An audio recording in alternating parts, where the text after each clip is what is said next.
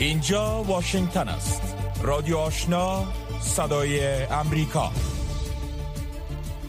شنوندگان عزیز سلام. شب همه شما بخیر. حفیظ آصفی هستم و با تقدیم برنامه خبری ساعت با شما هستم. در سرآغاز توجه کنین به تازه ترین خبرهای افغانستان منطقه و جهان که رویا زمانی تقدیم می‌کنم با تقدیم سلام. سومین محموله کمک های بشری امارات متحده عرب به ولایت خوست رسید. مقام های طالبان در خوست گفتند که این کمک ها شامل مواد غذایی و غیر غذایی می باشد که قرار است به زودی به زلزله زدگان ولایت های پکتیکا و خوست توضیح شود. همزمان با این یک تیاره حامل کمک های بشری قطر نیز به میدان هوایی خوست نشست کرده است. خبرگزاری دولتی باختر گزارش داده است که قطر تصمیم دارد تا یک آشپزخانه سیار را در مناطق زلزله زده ایجاد و روزانه برای بیش از یک هزار نفر در ولایت خوست و پکتیکا غذای گرم توزیع کند. در سلسله کمک با آسیب دیدگان زلزله مرگبار در جنوب شرق افغانستان سازمان ملل متحد می‌گوید که ده میلیون دلار کمک بشر دوستانه اضطراری را برای زلزله زدگان کمک می کند. مارتین گرفتیس معاون منشی عمومی سازمان ملل متحد در امور هماهنگی کمک های بشری روز شنبه در حساب تویتر خود نوشت که این کمک نقدی ده میلیون دلاری از طریق صندوق اضطراری سازمان ملل متحد به زلزله زدگان افغانستان ارسال خواهد شد. جزئیات بیشتر را از احد عزیزاده مشنوید آقای گریفیت افزوده است که در زلزله اخیر در افغانستان ده تن جان باخته شمار زخمی شده و شمار زیادی از منازل فرو ریختند از سوی دیگر لیسترس وزیر خارجه بریتانیا نیز کمک دو اشار پنج میلیون پوندی کشورش را به زلزله زدگان افغانستان اعلام کرده است. پیش از این اتحادیه اروپا نیز کمک یک میلیون یورو را به زلزله زدگان ولایت های پکتیکا و خوست اعلام کرده بود. این در حال است که کمپاین ها و تلاش های جمهوری کمک به زلزله زدگان در داخل و خارج از افغانستان افزایش یافته است. بر اساس معلومات حکومت طالبان تاکنون کمک های خوراکی و غیر خوراکی ایران، قطر، امارات متحده عربی، پاکستان، هند، ازبکستان و ترکمنستان به افغانستان رسیده است. چین نیز اعلام کرده است که ارزش 7.5 میلیون دلار به افغانستان کمک می کند. وانگ ونبن سخنگوی وزارت امور خارجه این کشور گفته است که این کمک در یک تیاره چارتر روز دوشنبه به افغانستان ارسال خواهد شد. چهار روز پس از آغاز درگیری میان جنگجویان طالبان و افراد مولوی مهدی در ولسوالی بلخاب ولایت سرپل وزارت دفاع حکومت طالبان تایید کرد که در حال حاضر جنگ میان دو طرف در بخشای این ولسوالی جریان دارد مولوی مهدی یک از فرماندهان پیشین گروه طالبان بود که به تازگی از صف این گروه جدا شده و علیه آنان سلاح برداشته است. این فرمانده پیشین طالبان در ماهای گذشته به عنوان رئیس استخبارات طالبان برای ولایت بامیان کار می‌کرد. آقای مهدی پس از برکناری از این اداره به آزادگاهش ولسوالی بلخاب ولایت سرپل رفته و جبهه را علیه طالبان شکل داده است. عنایت الله خوارزمی سخنگوی وزارت دفاع حکومت طالبان وقت روز شنبه با فرستادن پیام به خبرنگاران گفت که اخیرا افراد این گروه عملیات مشترک تصفیهی را علیه بغاوتگران در مربوطات ولسوالی بلخاب این ولایت آغاز کرده و تا اکنون جریان دارد. وزارت امور مهاجرین و عادت کنندگان حکومت طالبان از برگشت جبری و داوطلبانه 4370 مهاجر افغان در جریان چهار روز گذشته از ایران به افغانستان خبر داد. این وزارت گفته است که از مجموع این برگشت کنندگان بیش از یک هزار تن از مرز اسلام قلعه ولایت هرات و بیش از سه هزار تن آنان از مرز نیمروز وارد افغانستان شدند. معلومات این وزارت نشان می دهد که جمله این مهاجران افغان 2111 تن به گناه جبری و متباقی داوطلبانه به کشورشان برگشتند. این در حال است که هفته گذشته شیر محمد عباس استانکزای موین وزارت خارجه طالبان در دیدار با بهادر امینیان سفیر ایران در کابل خواستار برخورد نرم و فراهم آوری تسهیلات بشردوستانه تهران به مهاجران افغان شد. معین وزارت خارجه حکومت طالبان ابراز امیدواری کرد که ایران روند توزیع ویزا برای افغانها را تسریع کند تا زمینه رفت برگشت قانونی افغانها به آن کشور فراهم شود. از سوی دیگر ایران در حال به اخراج مهاجرین افغان ادامه داده است که بر اساس گزارش های سازمان عفو بین الملل ایران از جمله کشورهایی است که حقوق بشری مهاجرین نقض می شود خبرهای جهان را از رادیو آشنا صدای امریکا مشنوید جو بایدن رئیس جمهوری ایالات متحده امریکا امروز شنبه گفت که امریکا و سایر کشورهای گروه هفت اقتصاد برتر جهان واردات طلا را از روسیه ممنوع خواهند کرد. این تازه ترین اقدام از سلسله تحریم هایی است که این کشورهای حامی دموکراسی امیدوار است تا روسیه را از نظر اقتصادی به خاطر حمله اش به اوکراین بیشتر منزوی سازند. بایدن و همتایانش امروز یکشنبه در روز افتتاح این اجلاس برای بحث در مورد چگونگی تامین منابع انرژی و مقابله با تورم گرد هم آمدند و همچنان روی همکاری های تلافی جهانی در راستای مجازات مسکو صحبت می کنند مقام های ارشد حکومت بایدن گفتند که طلا دومین صادرات بزرگ مسکو پس از انرژی است و این اقدام تازه ممنوعیت واردات شرکت های روسیه را در بازارهای جهانی دشوارتر خواهد ساخت. این مقام ها به شرط فاش نشدن نامشان قبل از اعلام این اقدام در مورد در مورد جزیات این خبر صحبت کردند. در این حال بوریس جونسون صدر اعظم بریتانیا گفت که ممنوعیت صادرات طلای روسیه مستقیما سرمایهداران روسی و پوتین را ضربه خواهد زد. شاروال سیوریس دونسک می‌گوید که این شهر استراتژیک اوکراین اکنون تحت کنترل کامل نیروهای روسیه قرار دارد و همه مسیرهای خروجی به سوی اوکراین مسدود شده است. الکساندر استریوک شاروال سیوریس دونسک می‌گوید که اکنون امکان فرار از این شهر استراتژیک تنها از طریق مناطق تحت اشغال روسیه امکان پذیر است. آقای استریوک افزوده است که ترک شهر به سوی قلمرو تحت کنترل اوکراین ناممکن است و حدود ده هزار فرد ملکی در داخل این شهر گیر ماندند.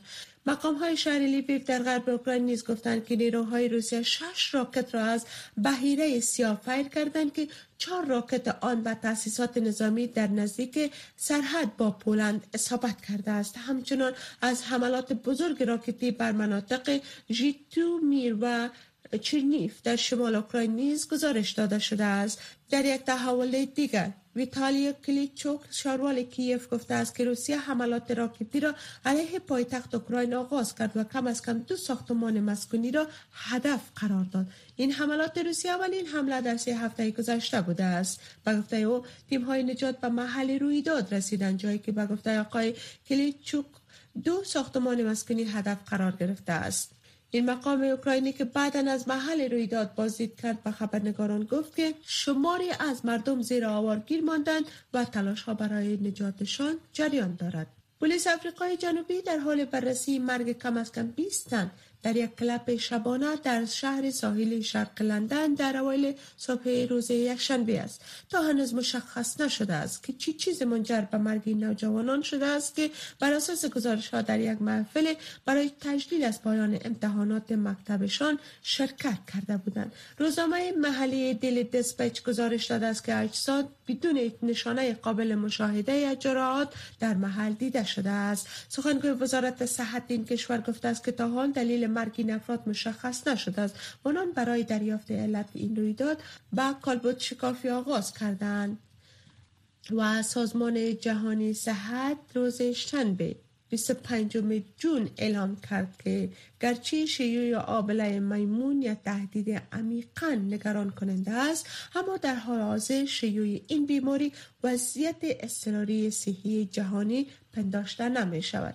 تدرس هم که رئیس این سازمان روز پنجشنبه کمیته ای از متخصصان صحی را تشکیل داد تا تصمیم بگیرند که آیا بالاترین سطح هشدار سازمان جهانی صحت وضعیت اضطراری صحی جهانی را در مورد شیوع آبله میمون صادر کند یا خیر. این مقام سازمان جهانی صحت همچنان گفت که کمیته اضطراری نگرانی های جدی در مورد مقیاس و سرعت شیوع فیلی را به اشتراک گذاشتند. اما آقای گبروس بیان داشت که تشکیل کمیته خود منعکس کننده نگرانی فزاینده در مورد گسترش بین المللی آبله میمون است. موارد بیماری آبله میمون قبلا فقط در افریقای مرکزی و غربی دیده شده بود. اما موجی از موارد این بیماری در اوایل ماه می در خارج از قاره افریقا شناسایی شد که بیشتر موارد آن در اروپای غربی گزارش شده بود. شنونده های محترم این بود مشروع خبرها تا این لحظه. از امواج رادیو آشنا صدای امریکا که تقدیم شما شد. روکو راست. صحبت های داغ صاحب نظران در مورد خبرها و مسائل روز هر شام از ساعت 8 تا 9 شب در برنامه مشترک دری و پشتوی رادیو آشنا صدای امریکا. بخش زنده این برنامه را در نشرات ماهواره صدای امریکا نیز دنبال کرده می توانید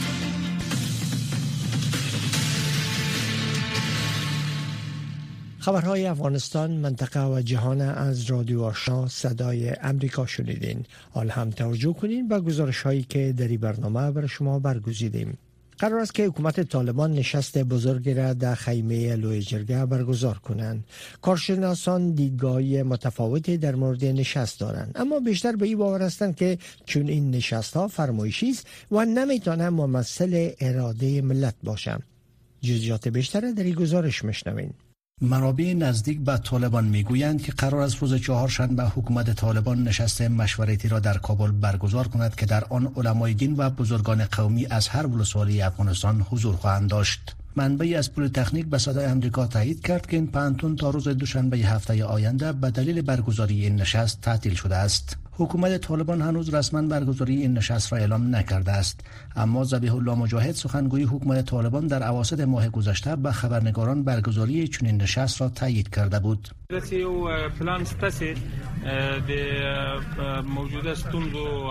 چنان پلان هست که برای رسیدگی به مشکلات جاری و برخی مسائل سیاسی یک شورا ایجاد شود. مجلس درمیان افغان ها برگزار شود.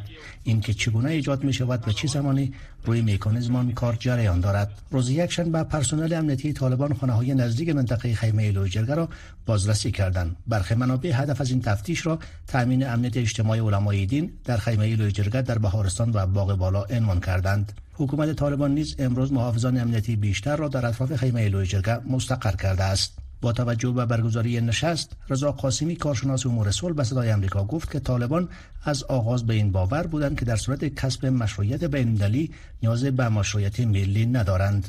آقای قاسمی افزود که پس از ده ماه حاکمیت و با افزایش و گسترش مخالفت و مقاومت اجتماعی و نظامی علیه این گروه طالبان به این موضوع واقف شدند که با تدویر این جرگه بتوانند مشروعیت ظاهری برایشان دست و پا کنند. برای گروه های استثمارگر ابزار سیاست مهمتر از اخلاق و تعهد دولتداری است. لوجرگه در طول تاریخ ابزار مناسب سنتی برای دولت های ناکام بوده تا با دستکاری همچو جلسات بر خود مشروعیت به وجود بیارن.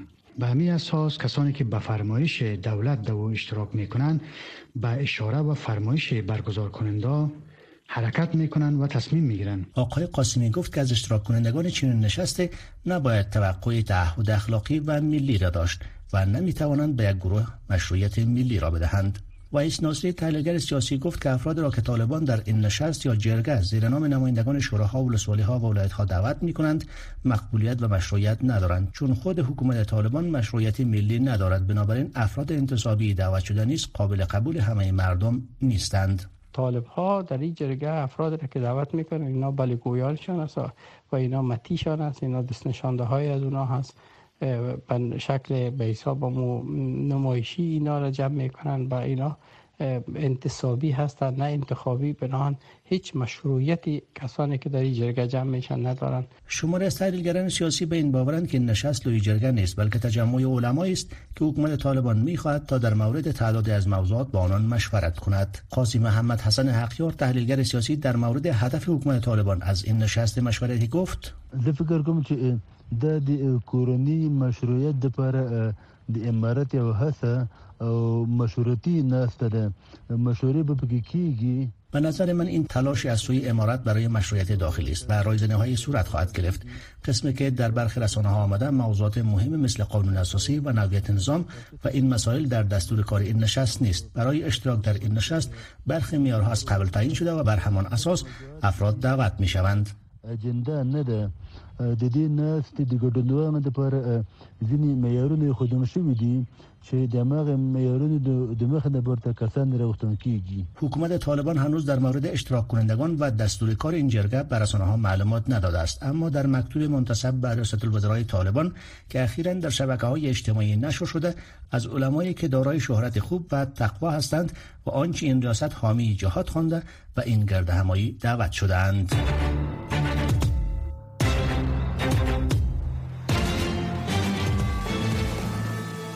رک و راست. صحبت های داغ صاحب نظران و نظریات شنوندگان در مورد خبرها و مسائل روز هر شام از ساعت 8 تا 9 شب در برنامه مشترک دری و پشتوی رادیو آشنا صدای امریکا.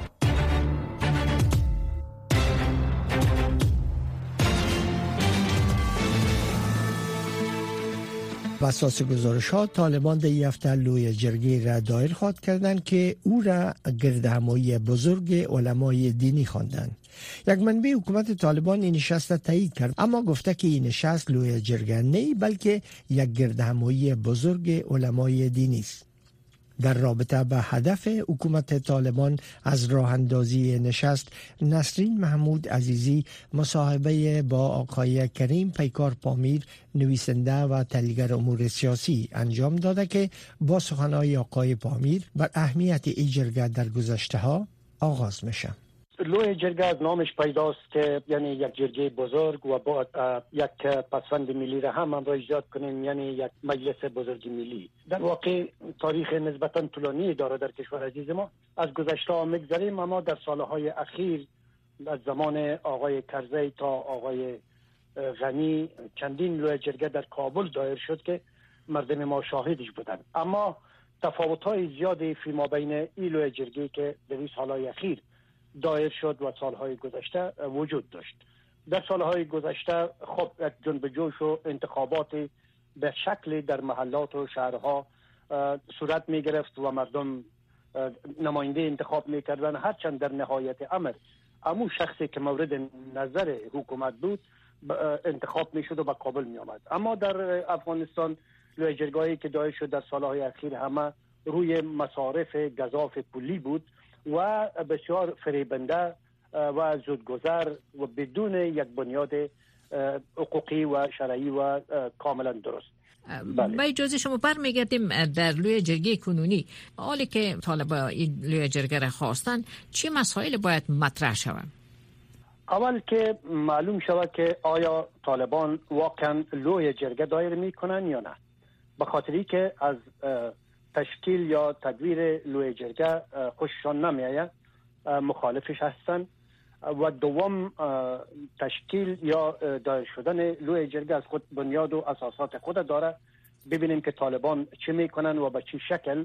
آیا مطابق امو شرایط سالهای گذشته حرکت می‌کنن و یا خودشان می‌خواهند انتخاب کنن به اصطلاح گلچین کنن از میان افراد و اشخاص. این انوز روشن نیست. عملا ببینیم که چه می‌کنن. تا چه حد دایر کردن لوی جرگه؟ حکومت طالبان را بر رسمیت شناختن از طرف مردم و جامعه جهانی کمک خواد کرد. ببینین لوی جرگه ارز کردم خدمتتان که ماهیت خود و مفهوم و معنای خود داشته در افغانستان و داره که میگن لوی جرگه به حساب انعنه یعنی مبدل شده. پس اگر طور یک لوی جرگی که لاقل شکل و ساختمان و یک ماهیت واقعا لوی جرگی گذشته ها و ننوی را داشته باشه چون مردم ما و مردم جهان آگاهی دارن بیدار هستن خوشحال هستن می‌دانن مطالعه می‌کنن. در اون صورت تا حدی برای طالبان مفید تمام میشه و جهان نشان میتن که نمایندگان مردم از سراسر افغانستان آمدند و نشستند و نظر دادند و بحث و مشاوره کردند. و الا اگر چنین نباشه چند نفری را سرهمبندی بکنن مطابق کاملا میل مذهبی و میل فکری خودشان یا ملاحظات استخباراتی و غیره او بازلوی جرگه بوده نمی‌تونه مردم جهان می‌دانند و مردم افغانستان هم ممکن است بسیار زیاد این موضوع را مزهک بدانند و شما چی فکر می‌کنید که برای موضوع افغانستان آیا انتخابات می‌تونه که یک گزینه مؤثر باشه؟ انتخابات نظر به شرایط و مقتضیات دنیای دموکراسی و دنیای آزاد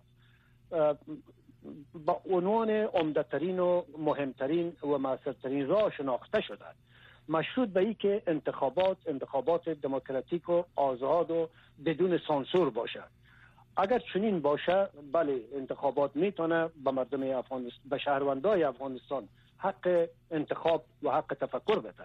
و در او صورت می‌تونن احزاب مختلف که چون امروز در دوران حاکمیت طالبان حزب سیاسی یا احزاب وجود نداره در واقع انتخابات با دموکراسی و موجودیت احزاب در یک جامعه گره خورده. ما این احزاب فعلا نداریم همه منحل شده یا غیر قانونی اعلان شده و طالبا هم که در رأس حاکمیت هستند انتخابات بدعت می‌دانند و خلاف شریعت حساب می‌کنن. بنابراین به هیچ صورت فکر نمی کنم که حاضر باشند تا انتخابات و او هم یک انتخابات شفاف و دموکراتیک و مردمی را برا بندازن. این ممکن نیست در دوران حاکمیت طالبان. شنوندگان گرامی رادیو آشنا صدای امریکا نشرات رادیو آشنا را در موج متوسط 1296 موج کوتاه 11575 اشاری سفر و در موج 972 کیلوهرتز شنیده می توانید. به ادامه کمک های مالی برای آسیب دیدگان زلزله اخیر در افغانستان که از طرف کشورهای هند، ایران، پاکستان و امارات متحده عربی صورت گرفت اتحادیه اروپا اعلام کرد که مبلغ یک میلیون یورو را برای آسیب دیدگان زلزله در افغانستان فراهم می‌کنه که شامل کمک های نقدی، مراقبت های اولیه صحی، کمک های آب آشامیدنی، سرپناه و سایر خدمات دیگر میشه.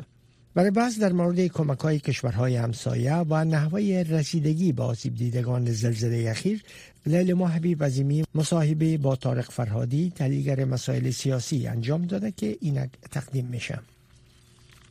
وجودی که افغانستان یکی از کشورهایی است که احتمال وقوع انواع حوادث طبیعی در زیاد است. اما چرا دولت ها در گذشته در حالی که در ساختار حکومتشان وزارت دولت در امور رسیدگی به حوادث فعال بوده و حتی خود مردم افغانستان هیچ گونه آمادگی برای مقابله با حوادث طبیعی نداشتند؟ با سلام و, و اظهار تاسف از این واقعی که در کشور ما شده زلزله بله افغانستان در یک زون زلزله قرار داره و منابع در افغانستان فعلا کم است. در سابق بعضی منابع بوده از طرف جامعه بینالمللی که وزارت بوده اما آل منابع نیست و تمام کمک میمانه به گردن همسایگان یا ایست که کشورهای بینالمللی کمک ها به سی قسمت تقسیم میشن. یک همسایگان که بسیار به زودی تیارایشون رسید ایرانی ها سه تیار روان کردن هند روان کرد پاکستان 19 دکتر روان کرده و به سرحد باز کرده و ترکیه. و قطر. و دوم جامعه بینالمللی که جامعه بینالمللی هنوز چندان کمک نکرده. یک میلیون یورو برای اروپا بسیار کم است سمبولیک است. در حقیقت اینا می‌خواین ببینن که در اونجا چقدر تلفات آمده و چی ضروریات است. تیم های ملل متحد اروپا خواهش کردن که برن یونسکو رفته با لوازم در اونجا و اونا باید است که یک بازبینی کنن که چی نوع کمک ها ضرورت است. اما برای بازسازی خانه های مردم هیچ نوع کمک وجود نداره. متاسفانه در هیچ زلزله و حتی در کشورهای متمول وقتی که تو زلزله ها میشه مسئولیت بازسازی خانه ها و قریه ها و اینا میمونه به گردن خود مردم محل. رهبر طالبان از نهادهای کمک رسانی بین المللی خواسته است که در این موقع مصیبت بزرگ در کنار افغان ها بیستد. حال به نظر شما خواست رهبر طالبان از کشورهای جهان و نهادهای بین المللی برای کمک رسانی تا چه اندازه می‌تونه برای همکاری کشورهای منطقه و جهان موثر باشه؟ آیا تقاضا یا درخواست دولت بحران زده و نیازمند حکم اخلاقی و حقوقی ارائه کمک تغییر میته یا خیر؟ اینکه طالبانی درخواست بکنن یا نکنن به خاطر دلایل بشر دوستانه همسایا بسیار در 36 ساعت اول کمک های خود به تیاره فرستادن عموما به خوست چون در یک میدان هوایی است و بعد از او کمک های عمده به دست دونرها هست دونرهای غربی درست. اونها در افغانستان هستن و یک زلزله تقریبا اینجا دو هزار خانواده ضررمند شده اما در افغانستان یک میکانیزم کمک برای 19 میلیون نفره که به غذا ضرورت داره وجود داره. فعلا طرف ملل متحد یعنی که ملل متحد در اونجا هست. اما خود ملل متحد هم بسیار نگفته که ما کمک فوق العاده می‌کنیم. اول اینا می‌خواین که ارزیابی کنن. و که قسمی که شما ارز کردن که اروپا تنها یک میلیون دلار و امریکا کلام مبلغ را اعلام نکرده اینا می‌خواین برای ارزیابی کنن و ارزیابی از اینا هم اوچه یک کاغذ کشیده بود دیروز. در ژنو باید است که زنان در تیم های ما اجازه داده شوند که برن و ببینن که زنان در فامیل ها چی صدمه ها دیدن اطفال اینا.